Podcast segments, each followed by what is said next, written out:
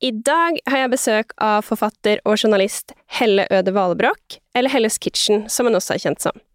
Jeg er nysgjerrig på hvordan det er å leve av å dele mat- og reiseopplevelser, og hvilke destinasjoner Helle anbefaler å reise til, sånn bare for matens skyld. Jeg vet også at Helle har vært i Paris og Barcelona over 150 ganger til sammen, så jeg må selvfølgelig også lure ut hennes beste insidertips fra begge de to byene. Vi må selvfølgelig også innom Oslo, og stedet som hun er fra, Trondheim.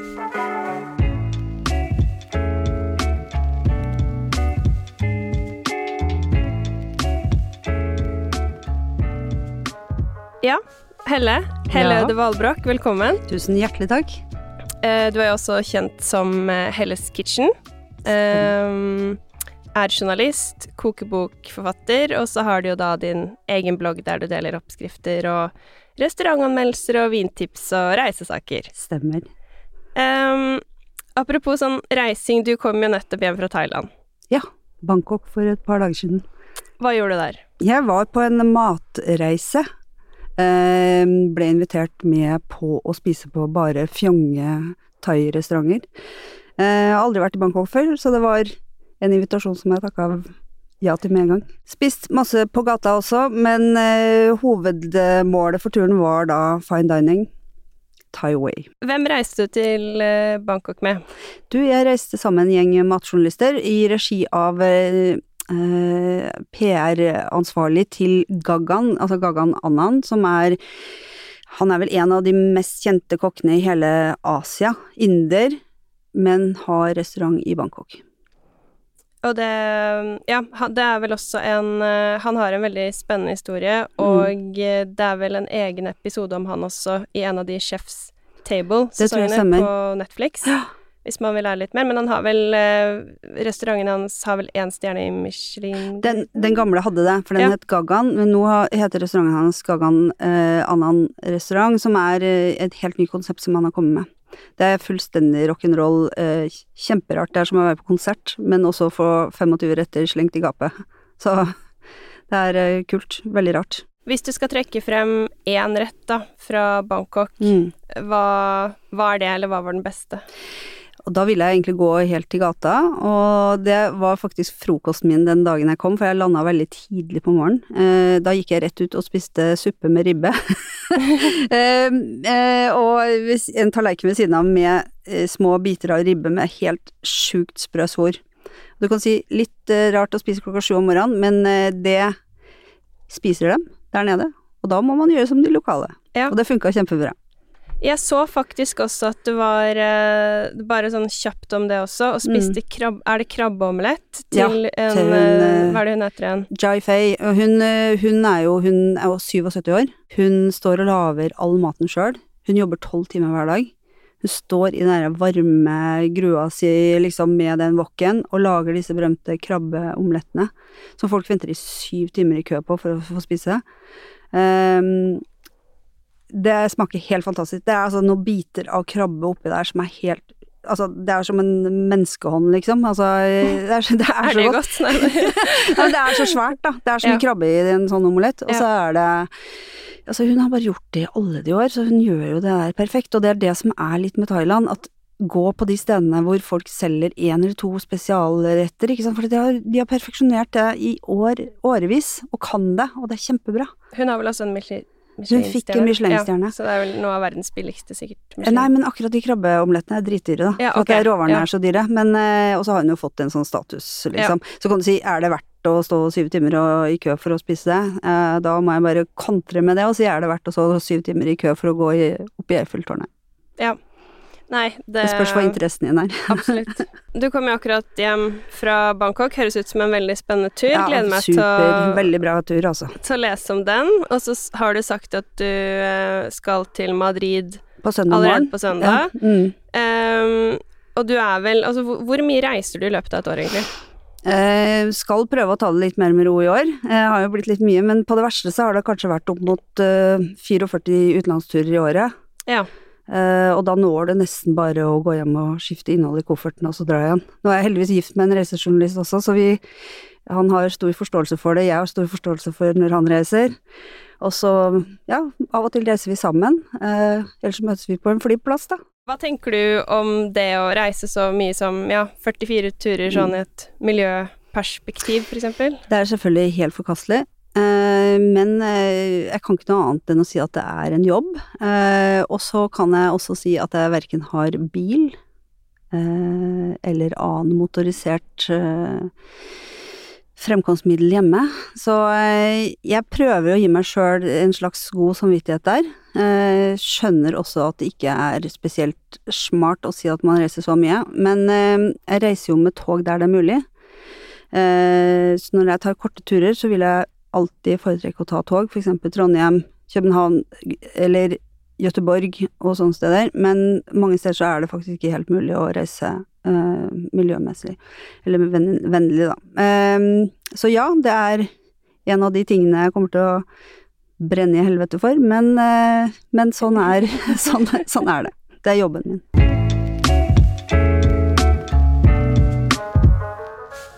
Men jeg tenker mange er nysgjerrig på, på det, fordi du sier jo du ble bedt på denne turen mm. du var på nå, ikke sant, en uke mm. før. Um, men For du er jo frilanser. Ja. Hvor lenge har du vært det, og hvordan er egentlig livet som frilanser? Hva er det du lever av, på en måte? Ja, nei, det kan jeg fortelle deg. At jeg har jo jobba i pressen siden 92, eh, men da som fast ansatt. Eh, og så de siste syv årene så har jeg vært frilans.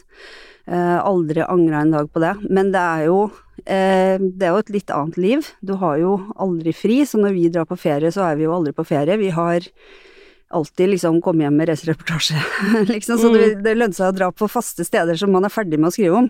Ja. Eh, sånn at man kan få noen dager fri. Men jeg tenker nå kommer vi jo litt inn i det journalistsporet, men du ja. driver jo også med mye annet. Du ja, driver med matstyling og har skrevet til kokebøker. Ja. Eh, er oppskrifts, oppskriftsutvikler og jobber egentlig veldig kommersielt med det. Ikke sånn bloggmessig, men da på privaten. Eh, for større kjøpe, kjøpesenter, skal jeg si. En, en, en dagligvarebutikk. Som egentlig er mitt sånn bread and butter og betaler regningene mine. Så er alt det andre mer for gøy, men også selvfølgelig en inntekt når man selger visse saker, da. Mm. Vi har jo snakket litt, uh, litt, i forkant, og ja, du har jo vært uh, uh, allerede på noen reiser i år. Jeg også har jo akkurat kommet hjem fra en liten tur til Gøteborg ja. og København. Fint, første tur altså. veldig. første tur alene. Og jeg foreslo jo før vi eh, møttes her i dag, at vi kanskje skulle snakke om København og Trondheim, fordi ja. at du er halvt dansk ja, og, og halvt trønder. Ja. Men da sa du at du var litt lei av København, og det mm. tror jeg at jeg kanskje aldri har hørt noen, noen si. Nei. Og det syns jeg var litt spennende. Jeg, har, jeg, føler at jeg har lov til å si det siden at jeg er halvt dansk og har bodd i København. Eh, jeg syns bare at det finnes f.eks. Århus, undervurdert destinasjon i Danmark Eh, veldig spennende. København, ja, når jeg sier at jeg er litt lei av København, så handler det litt om at eh, Jeg føler ja, København er litt oppskrytt. Eh, litt lei av liksom å hele tiden snakke om det lille universet av restauranter og naturvennbarer og bakerier. Eh, det skjer så mye mer i København som aldri kommer frem, egentlig. Alle de brune barene og smørbrødstedene og tradisjon, tradisjonssteder, da. Jeg tror nordmenn er litt for glad i å bare sørge for å gå andre steder hvor det er andre nordmenn. Eh, Altfor mye nordmenn i København, beklager, men eh, Og så er det for dyrt. Men hva syns du Oslo er jo selvfølgelig alltid interessant å snakke om. Du bor jo også i Oslo mm. på Frogner. Mm. Ser ut som du er veldig flink til å bruke stedene, egentlig, rundt, deg, rundt der ja. du bor. Så hva er dine Oslo-favoritter? Jo, altså jeg er fordi at jeg reiser såpass mye, så må jeg si det at jeg er ikke så veldig mye ute og spiser. Jeg er ikke der fordi at jeg liker å lage mat. Jeg må jo øh, Syns det, det er gøy å ta med meg liksom inspirasjon fra utlandet og lage noe gøy på kjøkkenet hjemme, øh, som noen ganger havner på bloggen også. Uh, men jeg har jo noen steder liksom på Frogner som er eh, koselige. Det er en sånn sliten uh, lokalsted som heter Elise, som har ikke skifta meny siden 1978 eller sånn, men eh, det er liksom en sånn skikk skikkelig tung lasagne, eh, og det er eh, noe scampispyd Altså det er de klassikerne de har hatt i hele fra, Nei, spansk meny, men laga av tyrkere. Eh, men det er noe med å sitte på det hjørnet der og høre på folk rundt deg som snakker, ekte Frogner-folk, som har så mye artig å snakke om. så det å være bare flue på veggen, sitte med en øl der og lese avisa på hjørnet og lytte, det er noe av det hyggeligste jeg kan gjøre. Eh, men jeg har jo selvfølgelig andre favoritter i Oslo. Um, eh, syns jo Kjenner du til 100 på Skillebekk? Ja. Det syns jeg er et veldig morsomt sted. Eh, det er jo en sånn fyr som jobba på Miami, som bare har starta som sånn crazy sted. eh, Og det er også et bydelssted, som Mm. like bydelssteder, da. Eh, De har dessverre en tendens noen ganger til å bli ødelagt av at det blir for hipt, og så dør det ut. Men den, det stedet føler jeg liksom har fått lov til å bli et, et bydelssted, da. Um, og så syns jeg jo altså, Palace Grill er alltid gøy. Ja. Um, Det er jo litt sånn sted folk har litt sånn uh, Hva skal man si? Elsker eller hater. mm. Ja. Og du vet jo aldri helt hva du får når du kommer der Nei, det Ja. Det, det var jo liksom, når det åpna, så var det på en måte det som eh, Hva er det det heter, røpestedet i Frognerveien nå, som eh, Punk Royal? ja, punk, ja. Ja, det er jo liksom litt sånn Du, du fikk jo mat servert i hundeskåler og sånn den gangen også. Ja. I, sånn at de, de har jo holdt på med de greiene der i lang tid. Nå er det jo mye mer rolig på det, men jeg syns allikevel det er et koselig sted og god mat. Eh, ikke minst Isekaia syns jeg er kjempekoselig. Ja. Eh, Sommero eh, har jeg prøvd et par ganger nå. Eh, veldig glad for at vi har fått et sånt sted. Eh, det er jo litt sånn fiff som går der, men jeg syns allikevel at vi trengte et sånn storstue, på en måte. Mm. Ahan liker jeg veldig godt. Ja.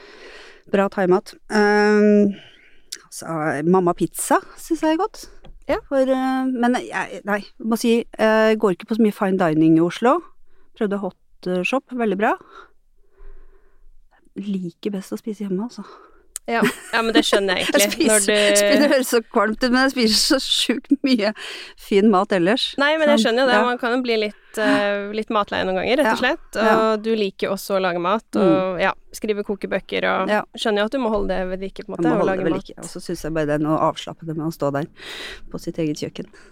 Absolutt. Men um, ja, Oslo. Uh, du reiser jo veldig mye og har spist veldig mye i Mm. utlandet. Ja. Hvis du skal nevne sånn topp tre matdestinasjoner, Mm. hva, hvor er det? Eh, Paris er aldri feil. Eh, og de som sier at nei, jeg dro til Paris og fant jeg aldri noe godt å spise, de har bare ikke gjort eh, leksa si, og da blir jeg litt sånn sur. For du kan ikke bare forvente å gå på en gate og finne noe bra, du må planlegge. Paris er så svært, og det er nok av sånne turistifiserte gater. Så havner du feil, så spiser du dårlig, sånn er det bare. Eh, Paris, som sagt. Eh, Honolulu, vært et par ganger. Veldig, veldig, veldig, veldig bra matdestinasjon. Veldig langt å reise. Ja. Men eh, der møter du liksom Eller der får du liksom øst møter vest. Det veldig mye innvandring gjennom årene med, fra Østen, som eh, Så du får lite sånn store amerikanske måltider, men du får mye raffinert asiatisk. Veldig mye bra sånn sashimi og poke, selvfølgelig. Så jeg var der første gang for å skrive, eller for å gjøre research til den boka jeg skrev om poke. Eh, og ble kjempeforelska, dro tilbake med mannen min eh, på ferie, som da selvfølgelig ikke ble ferie, men en reportasjetur. Vi klarte jo ikke å la den ligge, så eh, Så Honolulu er kjempefint, og det vi gjorde på vei tilbake da, da vi stoppa i Portland, Oregon, fordi reisen er så innmari lang Jeg hadde vært der på pressetur tidligere, og Portland er også en matdestinasjon, eller destinasjon i det hele tatt, som jeg vil anbefale på det varmeste. Eh, de kommer til å spørre deg liksom hvorfor i all verdens navn rike er du her? Fordi de er ikke vant til at det er så mye turister. Eh, det er sånn stor versjon av Reykjavik, så det er eh, rart og hipt og veldig europeisk matmessig. Raffinert mat, god mat, masse god vin, rare folk. Ja, det er rett og slett kult, kult å være der. Bra musikk. Mm. Så man kan ta en stoppover uten at det koster noe ekstra eh, i flybillett. Eh, hvis man reiser fra Honolulu og hjem, så har man liksom korta ned litt grann på turen. Så blir den det ikke så fryktelig lang. Godt tips. Ja. Men hvis vi dykker litt mer inn i Paris, da. Har du litt tips å dele sånn helt til Ja. konkrete steder som, Ja da, du, som, som du liker? Eh, altså, eh, Paris og frokost, så er det jo veldig mange steder Du kan jo egentlig bare sette deg på hvilket som helst hjørne. Eh, men selvfølgelig, De Magot er jo en turistmagnet, men allikevel en klassiker. Og eh, det blir aldri feil å sitte der. Eh, og La Durée er jo også liksom veldig turistifisert, men hvis du går på en av avdelingene deres som har frokostservering, så får du altså den flotteste servering, den flotteste oppdekking. bakverket deres er fantastisk, så det er ikke bare makroner de er kjent for, de er superbra på liksom deilig bakverk. Og kaffe med alle Altså, du får bare en oppdekning som er verdt uh, besøket i seg selv. Koster akkurat litt grann mer, men det er det som oftest verdt. Ja. Uh, men det fins også veldig mange andre som driver med med godt bakverk, uh, hvis det er det man vil ha til frokost. Så um, disse folka bak Septim Mm. de har jo også åpna et bakeri, som jeg var på i fjor, og de som ligger rett i samme gata som Septim, det heter Skal vi se, hva heter det da? Det La Tapisserie, tror jeg det. Tapisserie. Og de har sånn De har plutselig croissant med satar, og altså, de har litt annerledes ting, og det var en kjempeopplevelse å være der, så der anbefaler jeg alle å gå. Og Septim er jo nesten umulig å få bord på. Det, men de har jo, ved siden av så har de Clamato, som er sjømatrestaurant, og der er det ikke bestil, bordbestilling, så der kan man gå og møte opp. Eh, anbefales også på det varmeste. Um, Paris er en spennende by. Den siste gang jeg var der, var jeg også på Table, um, som nå har fått to stjerner. Eh, veldig morsomt med han, fordi han er jo, han Bruno Vergius, han er jo ikke han er jo ikke utdanna kokk, så liksom toppsjefene hater han jo, ikke sant, og, men han viser dem bare rett og slett fingeren. og har nå klart å liksom få to stjerner. Ja, det er ganske utrolig, faktisk. Ja, men jeg, jeg la jo merke til når jeg var der at han Det var ikke mye matlaging han drev med sjøl, altså han føyk rundt der med rutete bukser og kul, liksom, men Eh, han var morsom, og han har veldig eh, selvironi og full forståelse for at liksom, det er kokkene hans som lager maten her. Men det var jo sånn da jeg skulle ta noen bilder av han underveis, så var han plutselig borte og skulle liksom lage noe mat, og du så at det var ikke Det var bare for bildets skyld. Ja, okay. Ja. Nei, men han, kul fyr, veldig god mat. Det er kanskje en av de beste dessertene jeg har hatt i hele mitt liv, fikk jeg der. Hva var det?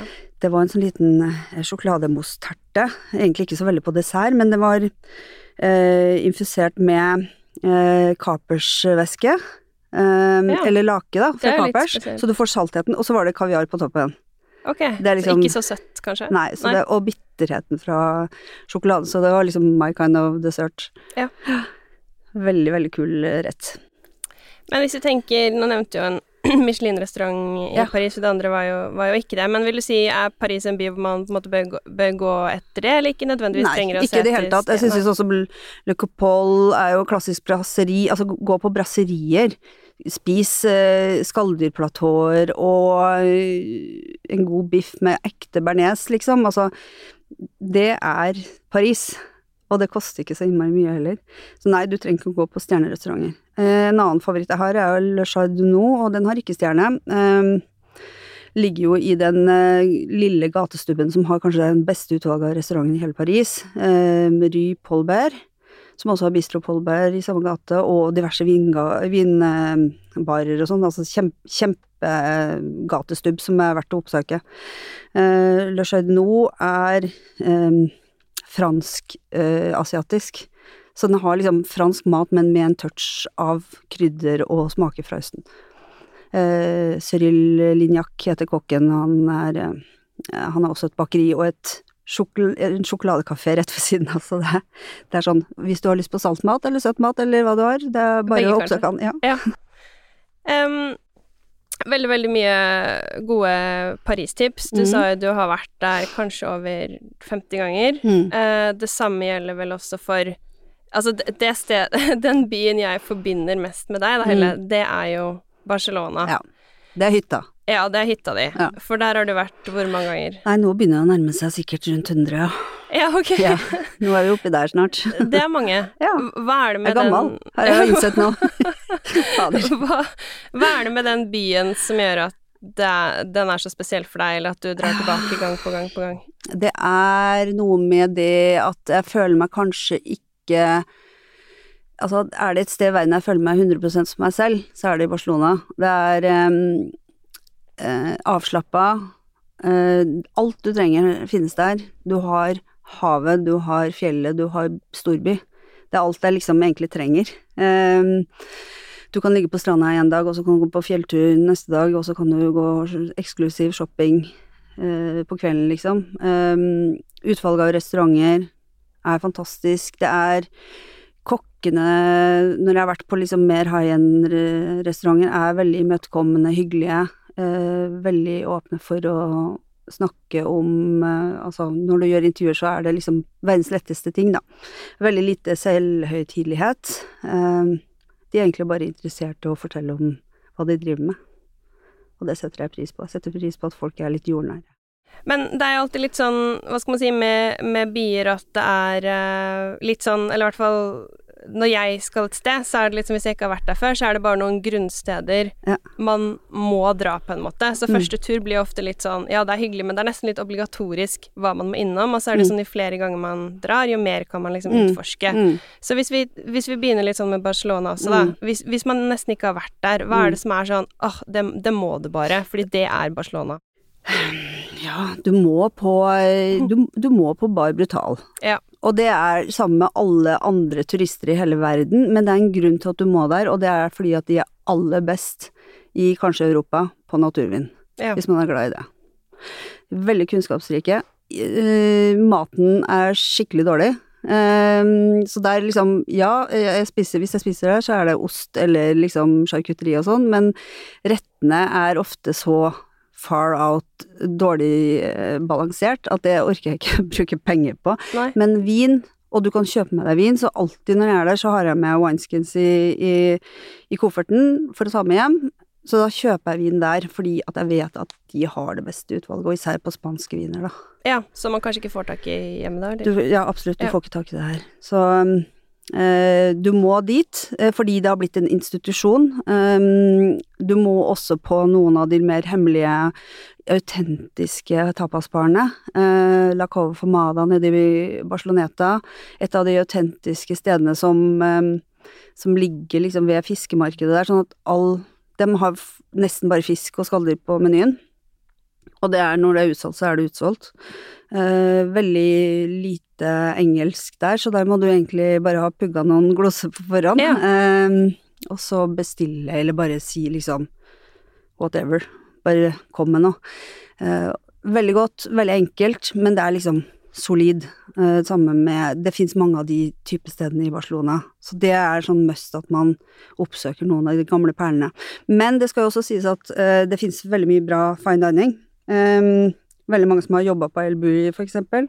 Um, Albert Adria sjøl hadde jo en hel landsby, eller en hel bydel, i Barcelona med restauranter. Han har jo uh, Ja, han har vel egentlig fucka opp hele greia, sånn at han står igjen med én restaurant, Enigma, som er uh, bra, men uh, ikke ikk- eh, du trenger ikke å dra dit. Det er et veldig rart konsept. Er det der Eh, det er sånn bildeforbud og sånn? Nei. Eh, Det var det. Ja. Eh, Da de starta, så hadde de et konsept hvor du ikke kunne mm, ta bilde av maten. Og interiøret er veldig rart, eh, så du går fra rom til rom og sånn. Men etter covid og sånn, så mm, har de gjort om konseptet til sånn Frem til, frem til fem på ettermiddagen så er det liksom småretter.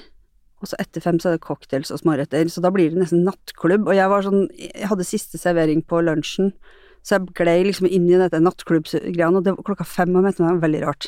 Da var plutselig hele lokalet lilla og sånn. Jeg vet ikke om jeg syns Jeg syns det var litt tacky, eh, kanskje. Eh, men eh, han eide jo den restauranten som kanskje var nordmenn kjente aller best i Barcelona, Tickets, som var en av mine favorittsteder. Eh, det mista han jo da under covid, eh, så de som han var medeiere med, eh, de har tatt over driften der, og nå heter det Teatro, så det er nesten samme greia. Ja.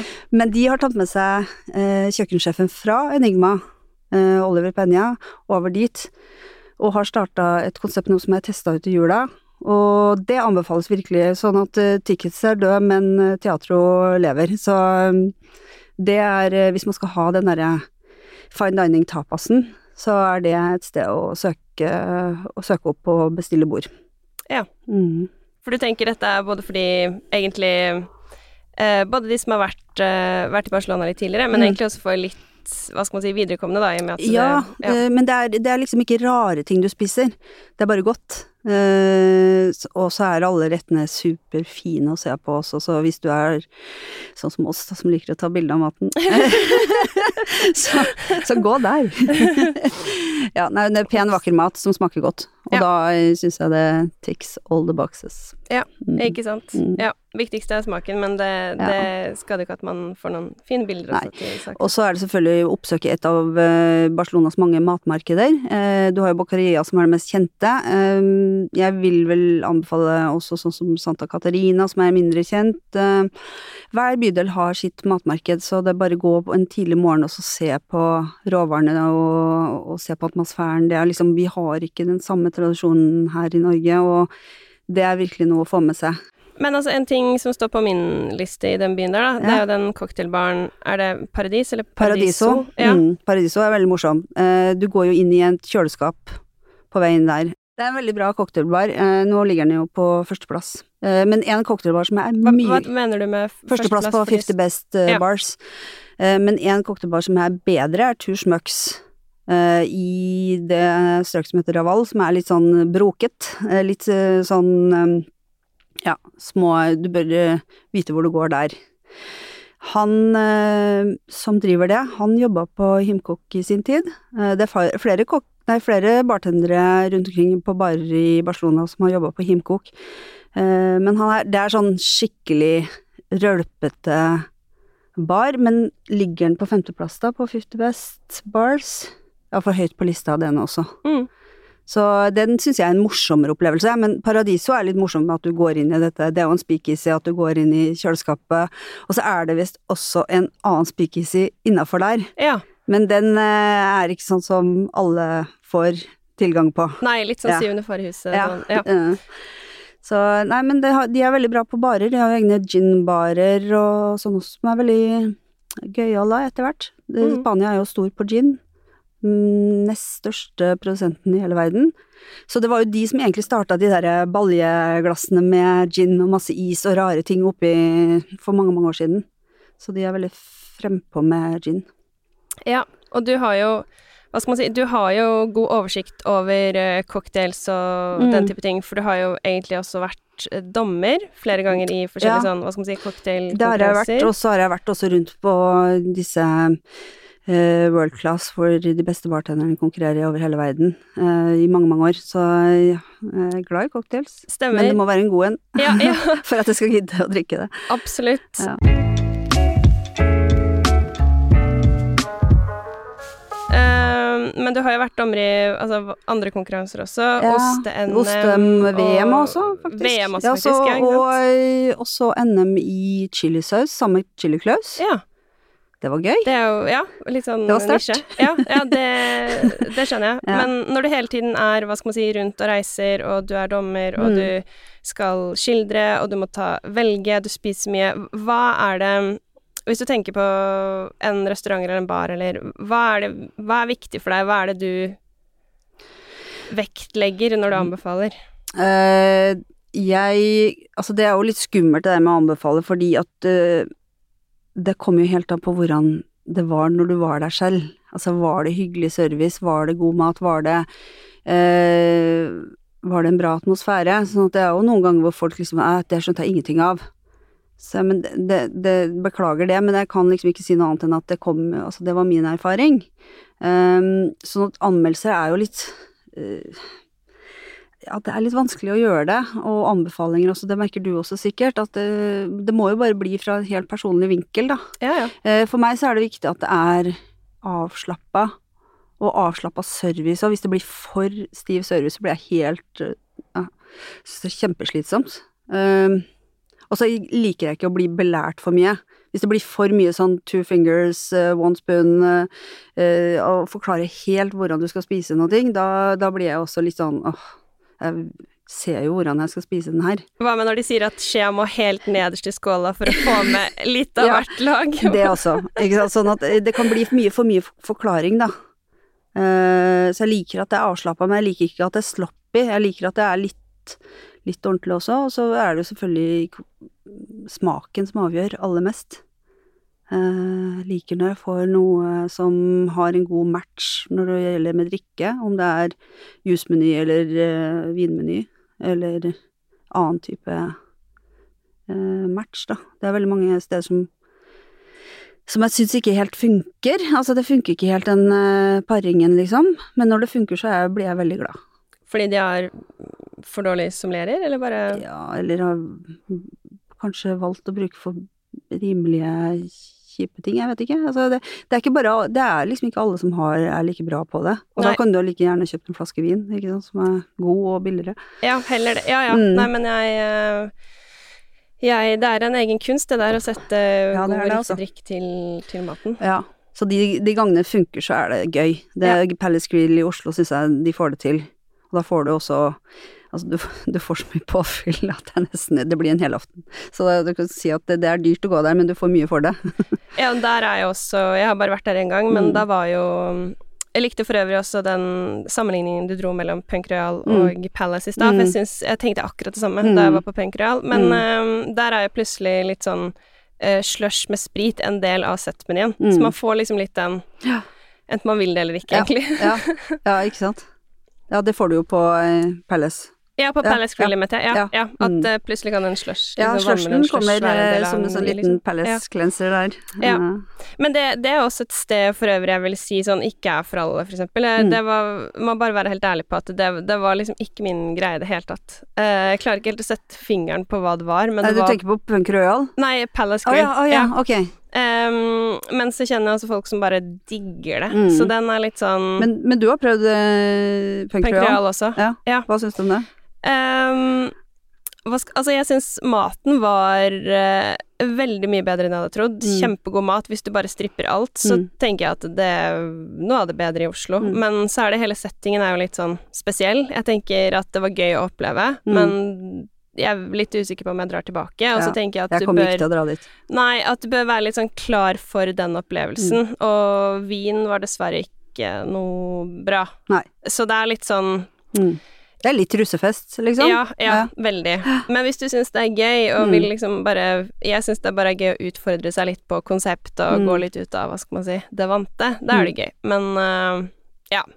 Palace er jo veldig mye roligere, da. Ja, Eh, det Men, det, men det, det koster selvfølgelig en god del, altså. Det gjør det. En sånn to Middag for to er vel opp mot 8000, tror jeg, med middag og drikke. Ja. Uh, og da skal det være bra også. Absolutt. Det er Så- mye penger. Mm.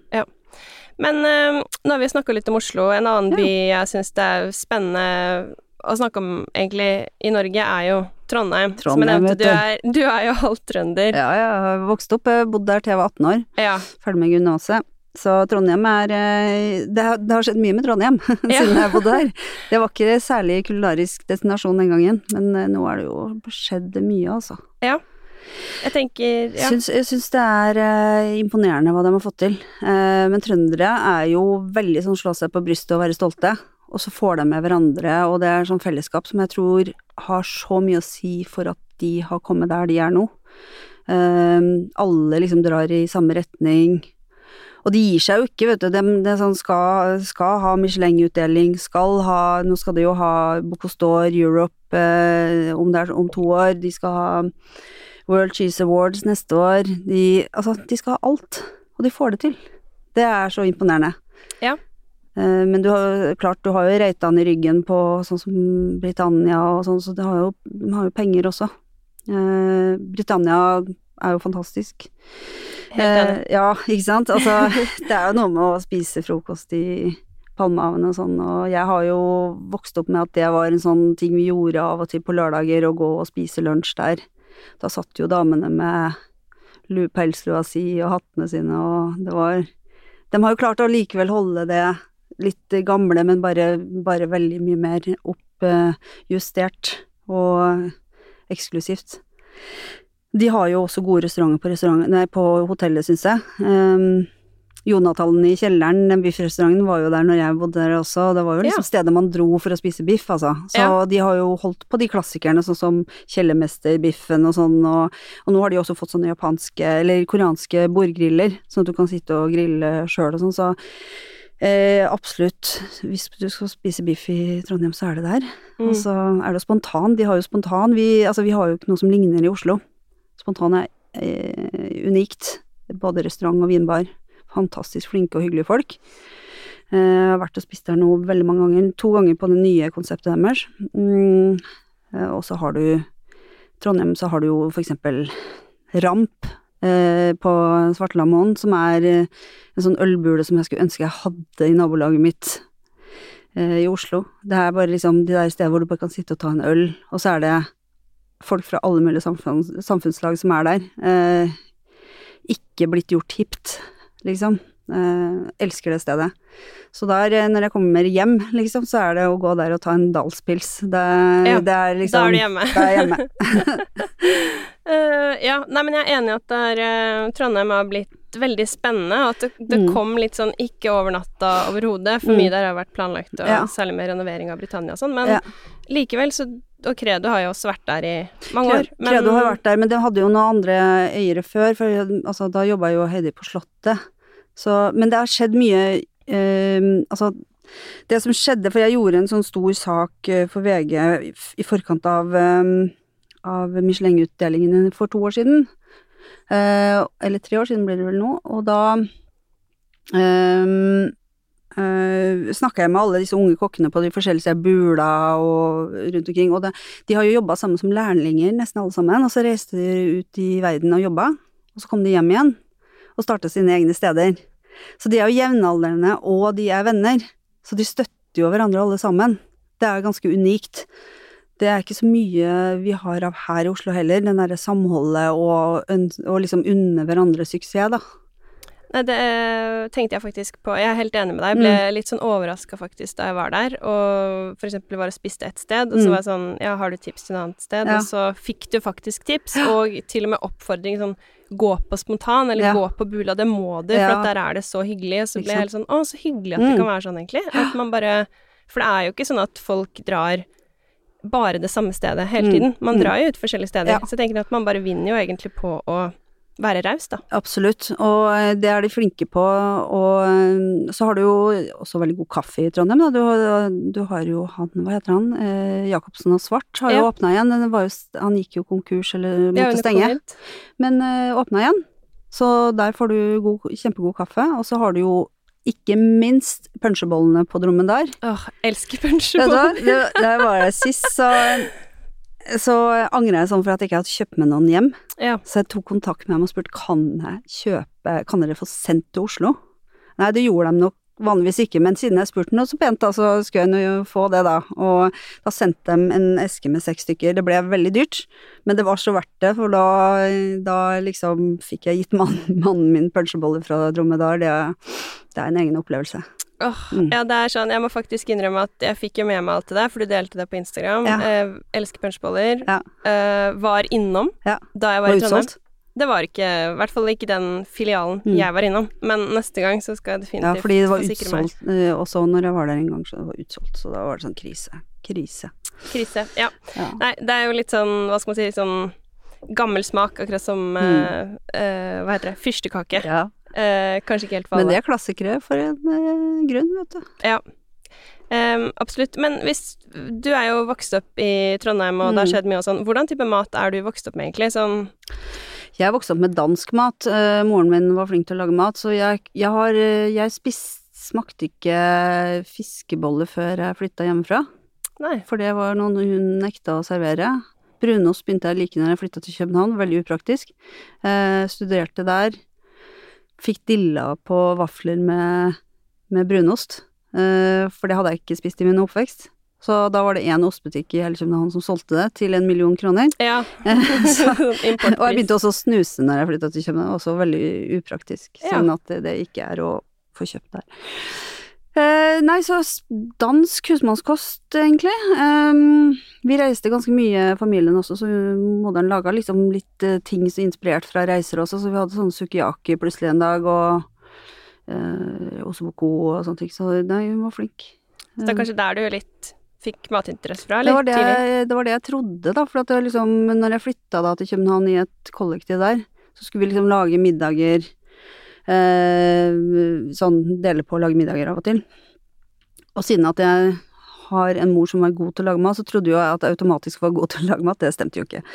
Eh, så da dro jeg Det var skikkelig dårlig på å lage mat. det DNA-et ditt. Ja, nei, jeg trodde, trodde liksom at det kom automatisk med. Nei da. Så da måtte jeg, dro jeg ut til mormor på landsbygda utafor København og lærte meg å lage mat ganske ofte i helgene. Eh, så da lærte jeg å lage eh, dansk husmannskost der.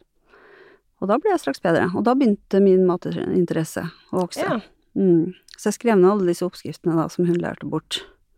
Og så eh, ble det bare mer og mer når jeg flytta til Oslo også. Likte å lage mat og begynte å eksperimentere.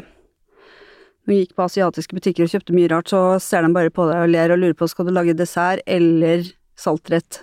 Fordi de syntes det var rare ting jeg la opp i kurva. så man må, man må prøve en del ting og feile litt før det sitter. Ja, det, det gjelder jo på en måte det meste, men jeg Ja. syns det bare er fascinerende fordi jeg er sånn semi-glad i å lage mat, på en måte, eller Mm. syns det kan være veldig gøy, men syns det er så vanskelig å bare Jeg blir så imponert over folk som bare finner på oppskrifter, og Mm. du har gitt ut tre kokebøker sånn Mm. totalt sett, Mm. og utallige oppskrifter Mm. på bloggen din. Mm. Hvordan er det du liksom kommer opp med alle de oppskriftene? Altså, matlaging Jeg elsker matlaging, eh, men jeg hater baking. Ja, det da er vi motsatt. Ja, for altså, jeg hater å lage desserter, for det er matematikk. Der var jeg aldri god. Eh, mens matlaging er freestyling. Der kan du prøve frem til du oppnår det ultimate. Du kan justere og justere og justere. Eh, og det er derfor det av og til er litt vanskelig å lage en oppskrift på det også, for det handler så veldig mye om dine egne smaksløker. Og gjerne nivå på styrke på, eh, på chili eller sånne ting. Jeg er veldig glad i å lage asiatisk mat og sånn også, da er det vanskelig å si presist hva man skal ha i oppskriften. Eh, nei, det, det har vel blitt sånn at det er liksom mer og mer av matlaging, og jeg deltok i veldig mange konkurranser eh, før i tida, eh, så jeg vant vel det som var mulig å vinne av NM for amatører, da. Mm. Eh, Barmin og grillserie på TV 2. Ja. Eh, det var gøy, men det ble litt for mye reality-show, syns jeg. Sånn det var lovd at det skulle være veldig informativt og sånn, men det er jo en tendens til å alltid skulle være sånn intriger og reality når noen, noe skal lages i Norge, da. Så, så da jeg ble spurt om å være med på Masterchef, så takka jeg nei. Jeg orker, jeg orker ikke Orker ikke å bli fremstilt som en sånn derre løpende øh, kylling, liksom. Hodeløs kylling. og, så så det, da stoppa jeg egentlig å konkurrere. Da var jeg fornøyd. Da var jeg blitt såpass gammel at jeg tenkte at nå, nå trenger jeg ikke liksom å gjøre de tingene der. Så, men å lage oppskrifter er jo en Det er en hobby, da. Det er jo gøy. Det er gøy å få noen ingredienser til å bli noe godt. Mm. Så er det jo veldig inspirert av reisene mine, da. Alt det lavere er jo på en måte inspirert av noe jeg har smakt eller opplevd, eller jeg sitter jo og noterer gjerne litt sånn Oi, der var det litt uh, spisskummen der, og så var det sånn og sånn og sånn, og så prøver jeg det ut hjemme. Ja. Mm. Godt tips. Jeg har merket det når jeg har vært med tur, på tur med deg, Ja. men ikke At jeg sitter og noterer litt når jeg smaker. Ja, ja, ja. ja. Um, men altså, du har jo spist ja, utrolig mye. Jeg har vært på masse matkonferanser hvor det Mm. bare er Michelin lina Ja. opp, at du nesten ikke klarer å spise siste måltid, oh, liksom. fader, Ikke sant? Det er noen du- ganger det er for mye, altså. Jeg skal, Ja. på, jeg skal på en trestjerners på tirsdag, uh, som jeg var på i høst også, uh, og jeg vet at det blir så mye mat at jeg må Jeg må virkelig konsentrere meg. Det er av og til for mye. Ja. Det er forferdelig å sitte og si sånt, det må høres så kvalmt ut. Men det har, øh, det har med at det er jo en jobb, på en måte, også, at man skal sitte og liksom Det blir jo ikke å sitte og nyte det på samme måte. Uh, må liksom gjøre notater underveis og sånn, og, og det er faktisk en av de beste restaurantene jeg har vært på. Hvilken er det? Diverso. Uh, han uh, David Monios, han er jo blitt kåra nå for andre år på rad til eh, verdens beste kokk eh, i eh, Best Chef Awards. Um, og, og restauranten hans er helt ko-ko. Det er flyvende griser, og han har sjøl hannekam og um, Veldig spesielt sted. Men det et Hvor ligger det? Uh, i Madrid, på litt nord i Madrid. Det er litt mer praktisk, for at det ligger faktisk på det hotellet jeg skal bo på, så eh, når jeg blir for mest, kan jeg bare ta heisen opp Ja, og legge meg. Legge. Nei, men det er, det er en artig restaurant fordi det er liksom eh, Betjeninga er korrekt, men allikevel avslappa. Og liksom Servitørene kan gå rundt i rosa hår og Altså, det er ikke sånn stivt-stivt. Uh, og rettene er veldig inspirert av hans reiser igjen, som jeg alltid finner Altså ins kult sjøl, da. At liksom Han har vært og reist så mye at han har latt det bli liksom synlig i sine retter. Um, så det er mye uh, overraskende smaker. Uh, det er pene retter, kreative retter. Ja, det er en trestjerners restaurant, bare på en morsom måte. Ja. Ikke for stivt. Nei. For Nei, Ja. Så opplev gjerne han, han har jo andre restauranter. Han har jo en to, nettopp fått en stjerne nå på en sånn dumplingsrestaurant som han åpna i fjor. Og nå har den eh, billigste restauranten hans, Street Zoo, åpna igjen i Madrid, så han skal åpne Nei, jeg tenkte jeg skulle prøve det på søndag når jeg lander. Eh, det er sånn uh, drop-in, uh, høy musikk, rød bardisk, eh, bestill det du orker, eh, strikk cocktails. Det er Ja. egentlig sånn jeg liker det best, da. Ja, ja. Litt sånn crazy og Ja. men nedpå. Ja. Men ja, fordi det var egentlig det jeg skulle spørre om, sånn beste matopplevelse noensinne. Men vil du si at det er der, eller? Eh, jeg hadde en opplevelse der før de stengte sin gamle filial i, da jeg var der i april. Um, da fikk jeg en vaktelrett i to deler som jeg begynte å grine av. Ja. Og det pleier jeg ikke å gjøre, men det var så godt, og det var så akkurat på det tidspunktet kanskje i livet mitt at jeg trengte noe Altså, omsorg kan komme på så mange måter, også i en deilig rett. Eh, Det var bare perfekt. Og det var sånn De har ikke stjerne, det er ikke en fine dining-restaurant. Så det spiller ikke noen rolle om det er tre stjerner eller om det ikke er stjerner, det er bare øyeblikket og hvordan maten er. Altså, den var bare Ja, det var bare så godt. Så nei, beste eh, Det er så vanskelig å si hva som er Ja. det beste, for det, det byttes jo ut hele tiden. Eh, men det er klart, jeg har vært på veldig mange restauranter hvor jeg ikke engang husker hva jeg fikk servert. Mm. Eh, og da er det litt bortkasta. Det må være noe som setter i gang en følelse eller et minne eller en reaksjon, tenker jeg. Du trenger ikke å sitte og grine på hver ett, jeg vil helst eh, unngå det, men eh, hvis det gjør det, så har du på en måte truffet et eller annet riktig, tenker jeg. At hvis du vekker en følelse Mm. av et eller annet slag. Så mm, det, det var iallfall det innafor det siste året, så var det den beste matopplevelsen. Ja. Spennende. Ja. Det er notert. Tusen takk for at du kom, Velle. Tusen takk skal du ha, Camilla.